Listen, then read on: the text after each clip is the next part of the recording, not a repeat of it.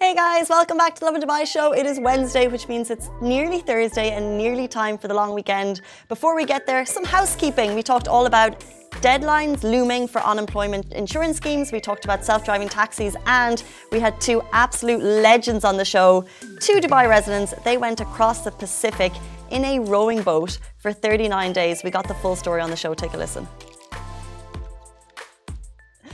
Good morning, Dubai. Welcome back to the Lovin Dubai show, where we go through the top trending stories that everyone across the country is talking about. Of course, self driving taxis. When are they coming? We have that top story today for you. We'll also be talking about deadline for UAE employ, uh, unemployment scheme is just around the corner. We're talking about if you are looking for a US visa application, how long it might take you to get it. And two residents have crossed the Pacific in a rowboat. And we're going to be sitting down and talking to them right after today's top trending stories. But hello to everyone watching. McGinnis says, Yes, I am Irish. We have. Um, we support each other, don't we? It's a great name, McGinnis. Welcome to the show. Good morning, have, everyone watching. We have Pooja, we have Dale, we have Camilla, we have Steve. Steve Duncan, hello. Camilla, hello. Nari, hello. Good morning to everyone, especially if you were out queuing for Nakheel new Palm Villas. First of all, where are you getting the money from? But also from 9 p.m. last night, people brought bed sheets, they brought chairs because phase one was sold out to such a high demand that they have released phase 2 mm-hmm. and the queues are out huge. The, oh my! Out God. the door. That's incredible. I mean, we saw the queues for the first one, we saw the hype for it, and now the second is out, and people are just same, the exact same hype, if not more.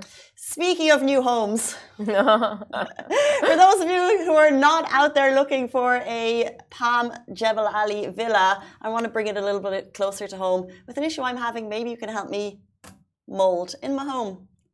I don't even know what that means. I don't, you don't know what it means? That. No, no. So I moved into a new place like two, three months ago. If this has ever happened to you, please let me know. I'd love your help on this one. And um, the clothes in my cupboard start to feel a little bit damp. And then I looked at my shoes, and there's like a, a grey fur on the leather shoes. And it's Ew. it's yeah, it's like a growing like a fungus. Ew. And then the clothes in your cupboard begin to feel damp. Oh, so are your clothes wrecked now? Well, it's mainly in my boyfriend's cupboard that has oh. more of the wetness. Less of a concern. No, so we're going to have a mold inspection, but either to some cases, if it gets really bad, you have to throw out all your furniture. Because, but apparently, there's thousands of different types of mold. Ew! What? I, I just don't get it. Like mold, is it like fungus growing in your apartment? I don't know. It's a type of a, it's alive and it's growing and it's living there. And you, you can, have to throw away your furniture if it's really bad. Like people move out if it's really bad. Um, so what I've done, you can get dehumidifiers. If it's not as bad, you get dehumidifiers, and you buy these plastic sachets from Amazon, and they fill up with water. And in like three days, you put a little plastic thing into your cupboard. This much water has collected in each individual cupboard. Is that normal, or do I have lots of mold? Black mold is the number one moth killer. Okay, McGinnis, we, McGinns, we want to get rid of those moths. But apparently it's really bad for human health. So we have an inspection coming today. They'll tell me if it's livable or we need to do something about it. I mean, if it's not livable, you better get some arrangement done with your rents and Can't your. Be, I just moved. just moved. Can't be doing that again. No, but that's so inconvenient. It's Yeah. so incredibly inconvenient to be staying at a home with like you just moved in, right? And now you have to deal with all of this mold and inconvenience of like clothes getting ruined, your shoes getting ruined. I would die. I would literally die. if my shoes- But maybe it's because we moved in summer, so maybe there was no one in the apartment for maybe a month, and it just the humidity kind of grew. I didn't even know that was a thing until this very moment. Well, there's all different types. I Sounds like damp from a leak. old. Rogan, I appreciate that. It could be damp from a leak. I don't know. So Shahir was saying his like uh, before the show, his friend experienced mold in her apartment, and then the municipality we call they checked and they fined the entire building because they didn't, um, you know, It was the building's problem. regulate all of this. Yeah, before the tenant moved in. Okay, well, municipality may be expecting a call from me later in the day. Rogan, I'll ask them if it's a leak. Otherwise, um, dry cleaners might be getting a hefty bill. I just hope your building is held responsible for this because it's ridiculous. You just moved in and now you have to deal with this mold and like your clothes getting ruined. Maybe That's not it's okay. Just, it's not okay. And your furniture, Ugh. if it comes to your furniture. And it just makes you feel gross. The apartment feels a little bit wet, but maybe it's the summer months and it'll get cooler and it'll be fine and I'll just live with the mold. No. I'm joking. You don't want to be living with the mold. Uh, AK Ali cases, yeah. So it's a matter of disinfecting. It could be a dehumidifier, plastic sachets from Amazon, and just a matter of de- I don't think plastic sachets from Amazon are gonna like you know be a permanent solution to this. I think it's quite temporary. I'm gonna show you a video of how much water they've collected. It's wild.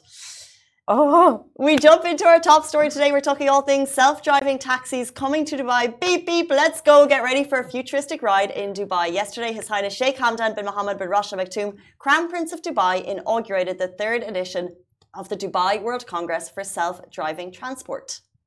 The event was hosted by RTA and saw the participation of over 2,000 international participants, 53 speakers, including top executives, researchers, experts, and developers of uh, autonomous mobility technology.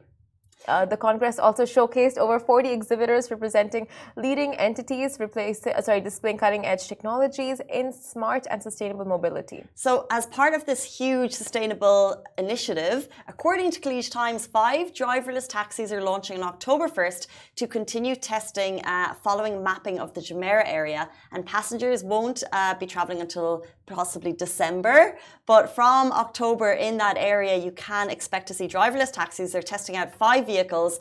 Fares, once they release it, are expected to be three times the regular price than mm. the regular taxi. Are you going to be one of the first? Would you be happy to try it, or are you going to wait for wait for it to become more commonplace? Yeah, I mean, like if it was for content purposes, you know, like us just going and shooting a viral video, having the best time.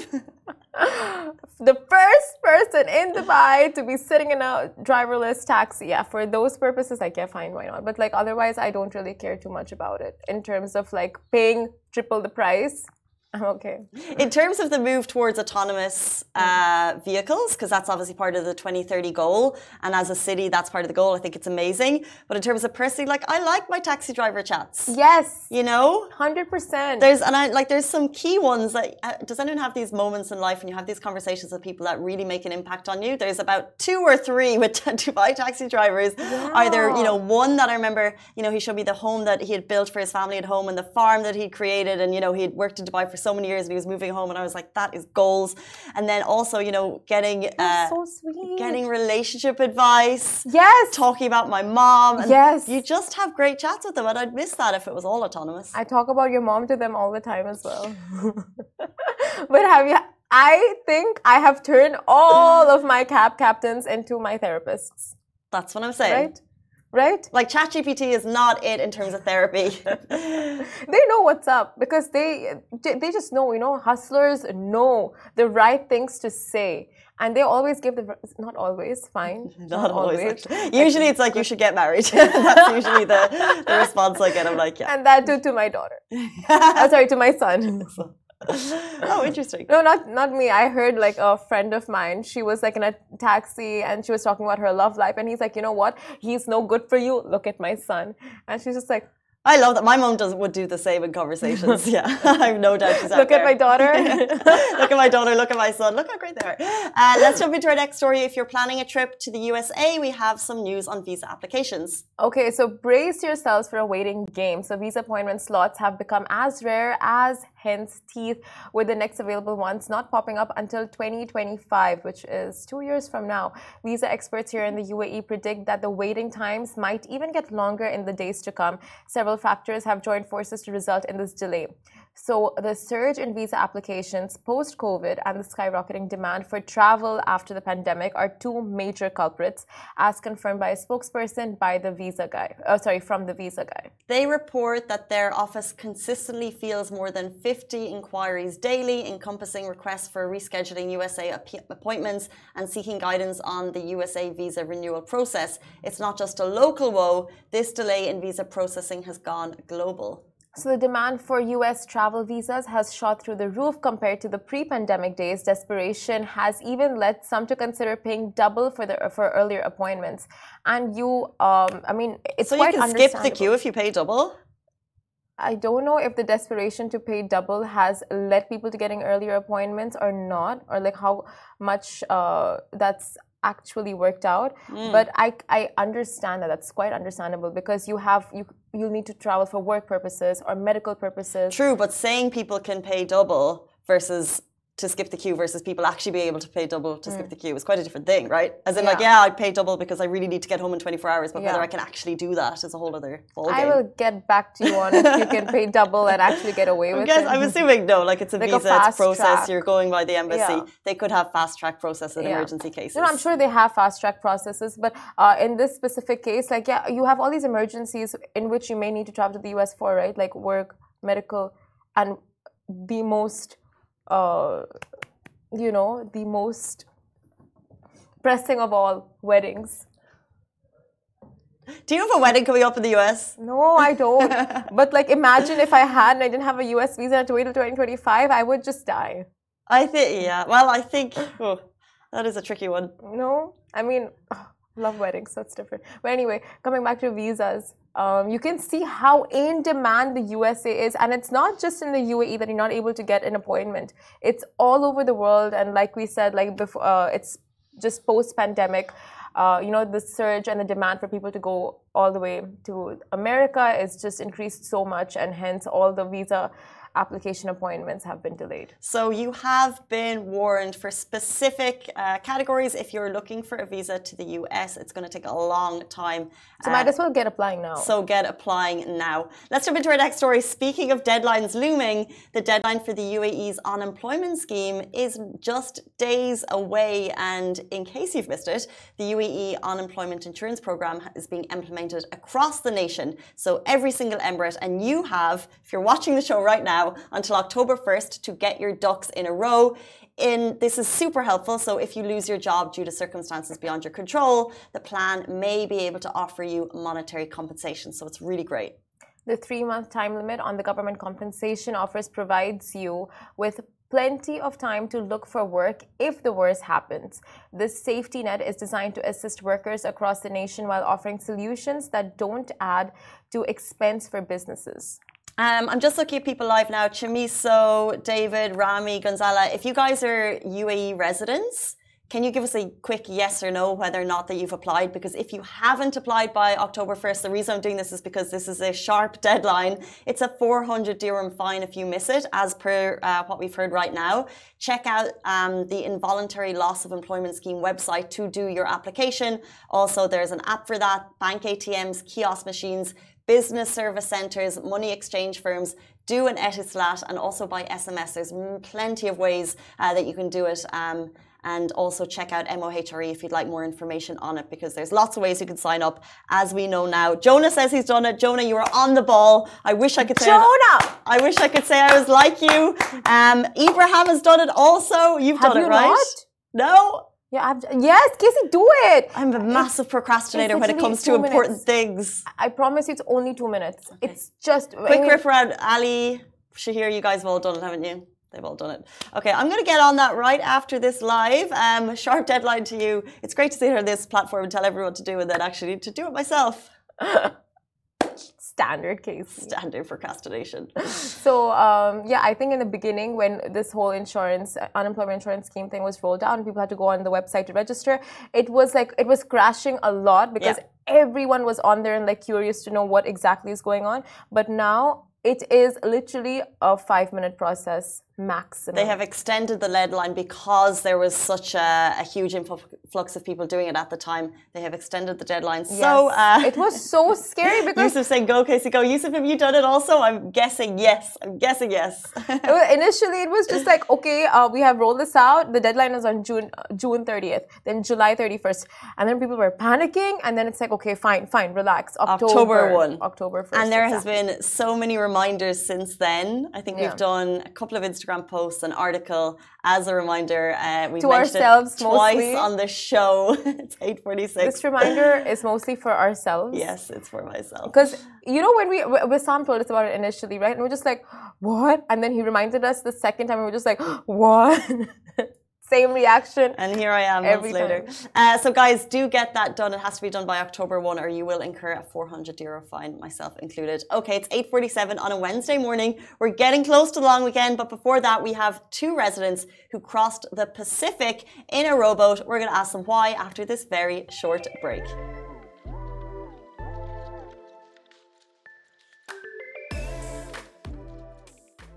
Lee came back from 39 days at sea in a rowboat. They rowed a total of 2,800 miles through every weather condition known to man and all for a great cause. Welcome to the show, Paris Norris and Harry Amos. Thank you so much for joining us. Thank very you. much for having us. Tell us, what were you doing in a rowboat for 39 days? What exactly was the challenge? Well, okay, so uh, how did this all start? Um, so it was COVID. Um, we're all sat in lockdowns uh, around the world. My brother in Sweden, I was here in Dubai, Paris was in Dubai, and Barney, the other member, was in London. And we were all just thinking, what on earth are we going to do next? Um, I had a little bit of exposure to ocean rowing through uh, friends of mine who'd rowed the Indian Ocean and the Atlantic Ocean. Um, and it had been on the bucket list. And my brother finally uh, managed to convince me to, to, to do it. And so uh, that was the start point, really. Uh, we knew absolutely nothing about what we were getting ourselves in for.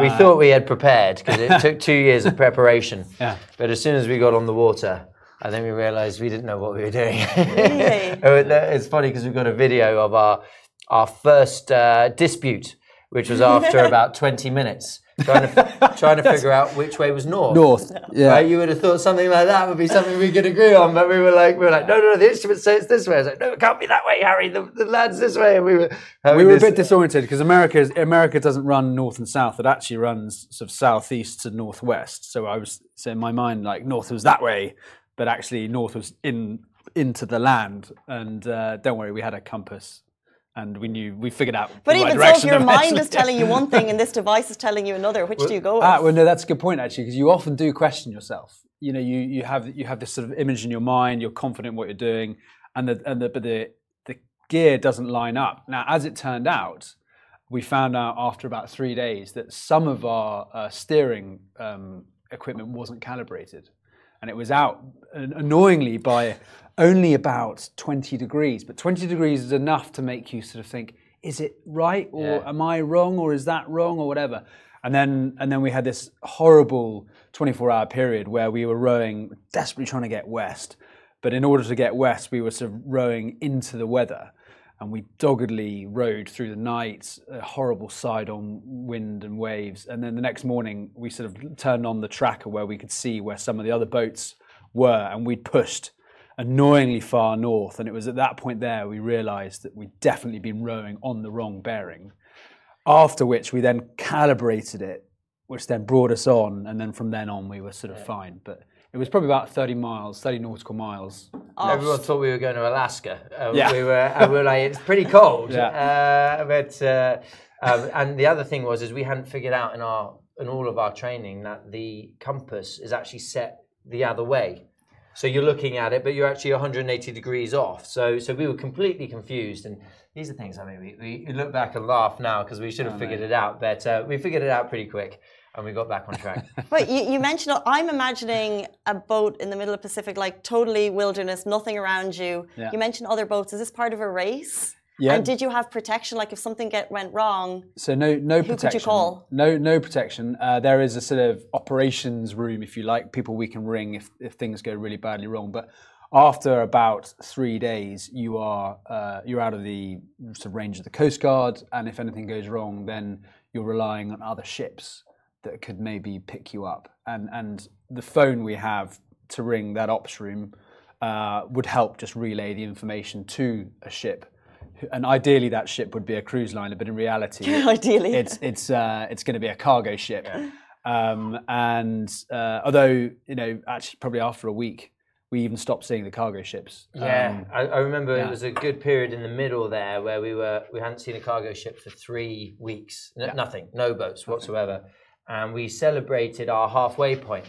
And I was like, guys, you do realize that means we're the furthest away from help we're ever going to be. And because we, we were 1,100 nautical miles, 1,400 miles Yeah. away from anything. Yeah, so we, we, we were. I mean, in terms of being deserted, there's there's no uh, sparser space in the world than the Pacific Ocean. It's where they have Point Nemo, which is the most sort of derelict place in the world. It's the furthest away from any land or any any You're, shipping lanes. you're uh, at Point Nemo, you're um, closer to the International Space Station, which is 420 kilometers above you, Whoa. than, than you are the nearest shipping lane, let alone land. So the nearest shipping lane is 500 miles away. Okay, so Point so Nemo- ast- astronauts are closer to you than, than ships. It's game over. And you mentioned weather. Like, can you describe to us uh, maybe the worst weather condition that you face? Like, what's it? What is it actually like being, you know, in this tiny little boat and just you guys against the elements? What's your mind going through at that time? Well, so the, the short answer is you get on there and, and all the waves seem big. So every wave that hits you, wow, that's a huge one. And then and then the weather hits you and oh my god, these are the biggest waves ever. And then it just gets go- worse and worse. And by the end, when you've seen the biggest possible wave, which is around 40 foot with breakers on top of it, your your fear of the waves eventually sort of dissipates. But yeah, that that about 40 foot with with breakers on top. 40 is- foot waves. How big is the boat? seven and a half meters long, and and when we set off, uh, the safety officer Ian Couch said to us, "Prepare yourself for the first 48 hours of your life," and it was certainly the first, the worst 48 Well, hours. for of you, our life. for you, it was particularly bad. For, for me, it was particularly bad because I, I uh, got seasick after about 24 Can hours. I, can I paint the picture here? So I, I, I was I, I was just coming on at about three o'clock and four o'clock in the morning. Uh, so they'd just been rowing for their two-hour shift. We were my brother and I were coming on for the two-hour shift. So I literally just like put my gear on, opened the door, I turned my head torch on, I caught Paris's eyes, and then just watched him flop to the side of the boat and try and get his head over the side so that he could because my feet are strapped in to, for the rowing. strapped in. so desperately, Like desperately trying to be sick over this, and he's you know, obviously pukes everywhere. And uh, the biggest, probably the, one of the most important things about rowing an ocean, bearing in mind you're rowing for up to 14 hours a day, burning up to 8,000 calories a day, is how much food you eat. And Paris didn't eat a morsel for the first three, four days. There, there I am. We, we, at that point in time, we were rowing 14 hours a day. Hmm. So I, I kept on shift, but I'm burning maybe six, 7,000 calories and not taking any in. It was hell. It was absolute hell. And uh, the thing was, is the one thing that we didn't really factor in before we went to California was how seriously cold it was. Like the, the water was 10 degrees centigrade. Whatever they tell you about California, it's a lie. It's not warm and sunny, full of surfers, whatever. It was 10 degrees, No. gloomy skies, rain, crosswind. It was, you know, like we had that for 10 days right and so so there, were- we we hit two storms and the thing about storms is if they hit land they get given a name and everyone knows about them um, we hit one that uh, was coming into hawaii called storm calvin which everybody was very freaked out about because we we were in that storm the one that we hit leaving california and get, when we were out to sea never hit land nobody knew about it probably worse, yeah. nobody heard about it the hmm. only people that were worried about it were four guys in a rowing boat hanging on for their lives in this freezing cold water because hmm. the difference was if we had capsized at that point in time, the water was 10 degrees, we would have got hypothermia within half an hour and we would have died of it in four to five hours. So our margin for error was really, really hmm. thin. When we were in- coming into Hawaii, if we capsized the boat, we, we, we would have done some backstroke to land. we really quite enjoyed it. It was, it was beautiful. But, uh, and, but what happened when we hit Storm Calvin, uh, everybody on land was very scared for us because they, our friends and family, had come to Hawaii. And the news was going mad. the news was going mad, and they're like, "What about these guys in the ocean?" Um, we had a moment of a particularly difficult scare in the middle of the night when it hit, and Can I tell you this bit? Because Go so my brother and I were were on. Uh, we, we the day before we'd all sat down on the boat and we knew the storm was going to hit us. So we had sort of thought about what we were going to do, and like clockwork, it hit us in the middle of the night. Um, the waves were behind us, the wind was behind us. So the fear actually was that we were going too fast and we, we would be pushed side on to the weather. And when you're side on to the weather, the waves crash over and you run the risk of capsizing. So it hit us. We were pushed onto the side as we thought might happen. We managed to get it straight for a moment and then back on the side again. And the the plan had been to throw out the drogues. And the drogues are like throwing out the brakes. So we throw out a drogue.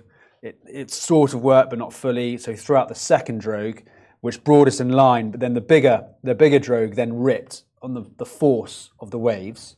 Uh, and then they and then the drogues got completely tangled around the rudder, which meant we lost steering and then we're stuck backside on again. Ollie and I are sort of desperately trying to fight the situation.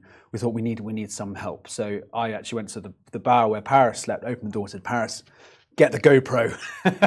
we need we need you out here. Well, they, said, they said Priorities. get the GoPro. I was asleep, and we only get like an hour and a half sleep in between sessions. So, so when I get this wake up call, it's like we need you on deck now, and I, uh, and I was like, okay, and door closes, and after about ten seconds, the boat just went almost upside down, and I was like.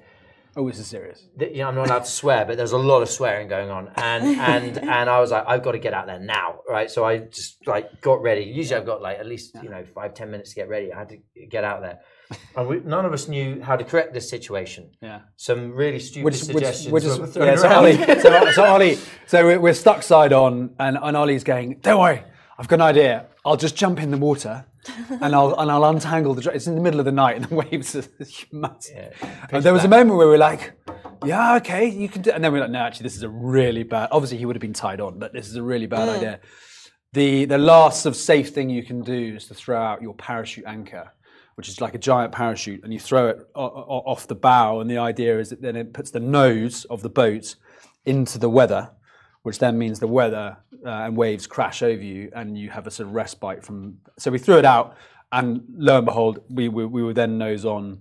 In the process, um, Ollie, whilst trying to row, uh, pulled his shoulder out properly. Luckily, it popped back in. And then, and then when we were trying to fix the drogues after that, which was still in this tangled, tangled mess around the rudder, Ollie then almost fell overboard. So his, sort of, you know, his legs came up. Poor guy. And I, I was busy. I was busy pulling in the drogues, and Ollie got really angry with me after. He says, "You didn't even notice that I, I fell overboard." And I was like, "Well, you didn't fall overboard, so I didn't, I didn't want to make an issue out of it because I almost died." Anyway, we were fine, and then Well, um, the, the, yeah. the point you missed out here is that in order to get the drogues out, I had to hold him by his ankles over the edge of the boat, and he was just hanging off the edge, fishing out the lines to, in the middle of the night with these forty-foot waves knocking us and our sideways. head torch, our head torches. Here, I'm waiting. I'm waiting to see it on uh, on Netflix. To be honest, Annoy, Like, annoyingly, annoyingly, you have got footage. Annoyingly, it just doesn't come out very well because it's Yeah. the middle of the night. But Yeah. yeah, you'll get the Well, idea. We've got the commotion. we have to ask. Uh, less people have done this than have gone into space or climbed Everest. So when you started the journey, why? Like, what motivated you to actually see this whole thing through?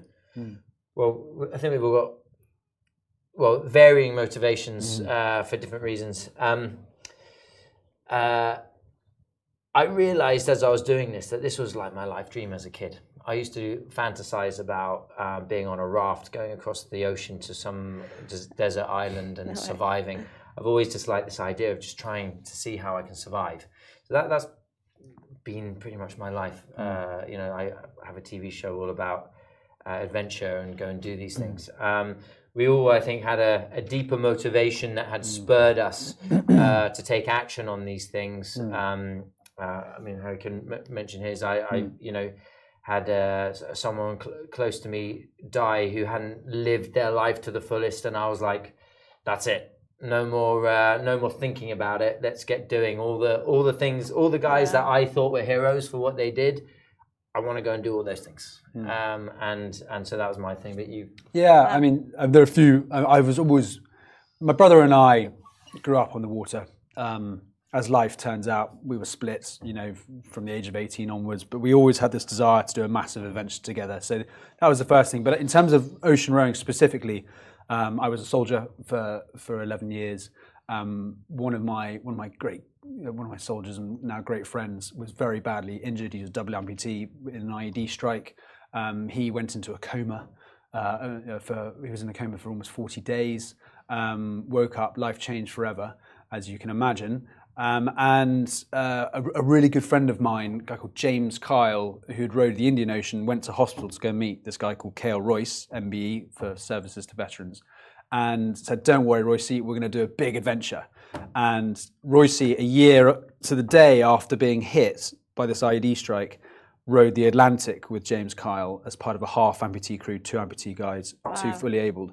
And then because he's a complete lunatic, he then did it again the year after that as part of an all amputee crew. So Royce for me was a massive inspiration. And, and I went to this event uh, after his row with my brother, and that was what planted the seed with Ollie. And uh, and so yeah, it was like a ten year mission which we'd been procrastinating, and finally COVID got us across the line to start actually organising it. But that was that's that's the inspiration for me. That's well, some strong motivation there. And in case anyone is watching and they're inspired by your story, what's the preparation like? Like, could I decide, okay, this is what I want to do? Uh, is there a lot of money involved? Um, Mentally, physically, what type of preparation do you need to take this challenge?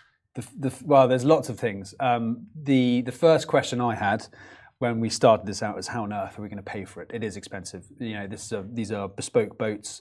Uh, there are only hundred or so in the world. So we rang up Rannoch, the boat maker, and you know, got our first understanding of how much this is going to cost. All in, we're, we're, plus the charity money we wanted to raise, we're talking around three hundred thousand uh, pounds.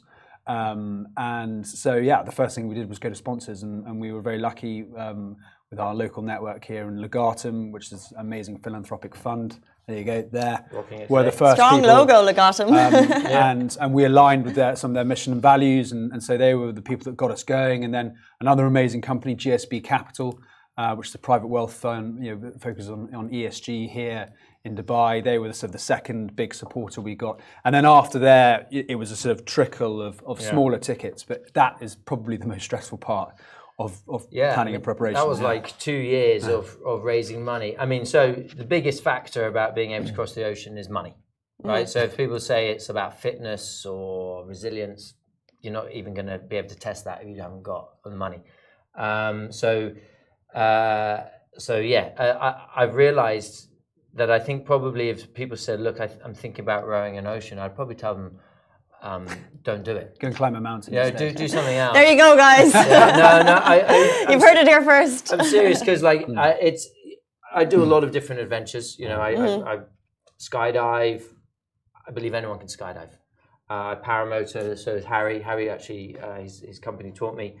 Um, I believe anyone can do it. Scuba diving, anyone can do it. Not anyone can row an ocean. That's for sure. Um, we, you need a particular type of mentality to be able to deal with that. And if you don't have it, and you find yourself in the middle of the ocean, and you now realize that you're not right for this, it's going to be hell. Yeah. Um, and it's also going to probably be fatal. So, so it's not something I, I promote to people and say, look, we're the ocean rowers. You should got to get out there. It's like no, like I'm not not pushing anyone to don't, do Yeah. don't do it lightly. I mean, it, it's it's a wonderful thing because it when you're when you're faced with that you know level of endurance and um, you're it strips away everything. You know, you're you're exhausted, tired, very exposed, often often afraid, um, and and you know probably uniquely to rowing, but many endurance sports are the same. You you're stripped down to nothing, and so you're you're you you have to be. You can only be yourself, uh, and there's no hiding from uh, the people around you uh, and yourself, and you have to rely on the team uniquely. And then you have this wonderful moment where uh, when you when you're when you get over sort of that initial God, I'm trapped on a boat, where you you feel wonderfully free on the ocean as well, because you're sort of free of the shackles of your mind and your perceived limits. Um, and then, dare I say, there is some enjoyment that starts coming in eventually. Well, Um, we when you great see time. Hawaii. yeah, Yeah, yeah, well, yeah. we, we, we definitely had a great time. I mean, I, I, I mean, it's interesting because Definitely I, highs I, and lows, yeah. I haven't seen Harry since we left Hawaii, and I've been in Hawaii until like a few days ago. I'm still pretending on social media that I'm in Hawaii, so I think He was supposed to come back a long time I ago, think but he, had to, he went I to think find I both think the got cat's out of the bag. yeah, I think I've blown the cover with the, with the Lovin Dubai show. Uh, but um, uh, it's interesting because I've got my version of the story, and I haven't yet heard Harry's version of the story or the other guys. True, yet. yeah. Um, I remember. I've just been slagging him off for the last, the last three months. Yeah. Uh, but I, I remember it just being. I just had a great, except for those first three days where I was, uh, you know, sick as a dog. I um, I really enjoyed it, and it brought out a different version of us because we've known each, like we've known each other a long time before, you know. So obviously Harry and Ollie were brothers; they've known each other their whole lives. Ollie was at school with me since I was fifteen. Uh, Barney was at school with Ollie since they were eight. So we've all known each other a long time. but we were different people on that boat. Um, I, and we were different people when we got off it afterwards. But when after day one, all of the ego, all of the bravado that we had heaps among us, because we, we, you know, we all got this kind of boarding school, rough and tumble, you know. Um, it shattered to zero when we realised the seriousness of the situation we're in, and we just just evolved into this very supportive team.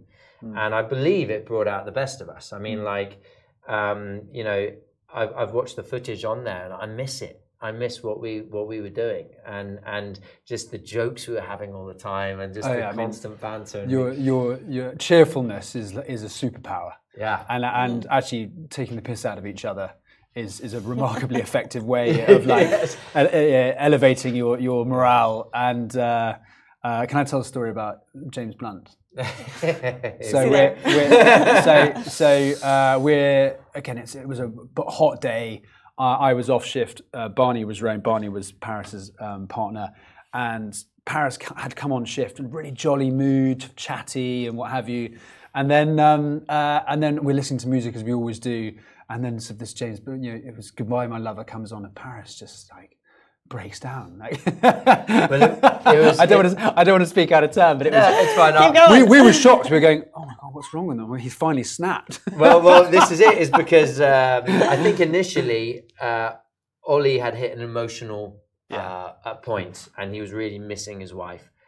And then I had a chat with Harry, and you know, he said, "Look, this is the first time I've been away on an expedition where I've actually had a wife and two kids, because he's been off doing these things his whole life, but never, Never with with kids, with a wife and kids." Hmm. And so, you know, he had a, a bit of a moment, and I was the only one on the boat that is not married, don't have kids, and I generally have a bit of bravado and hmm. totally fine. So they've never seen me in any sort of emotional situation. no, and you're I- such a jolly guy. yeah, yeah, And I just, I just, I just broke down, and it was about halfway through the race. Right? It was almost exactly halfway. Yeah, Yeah. yeah.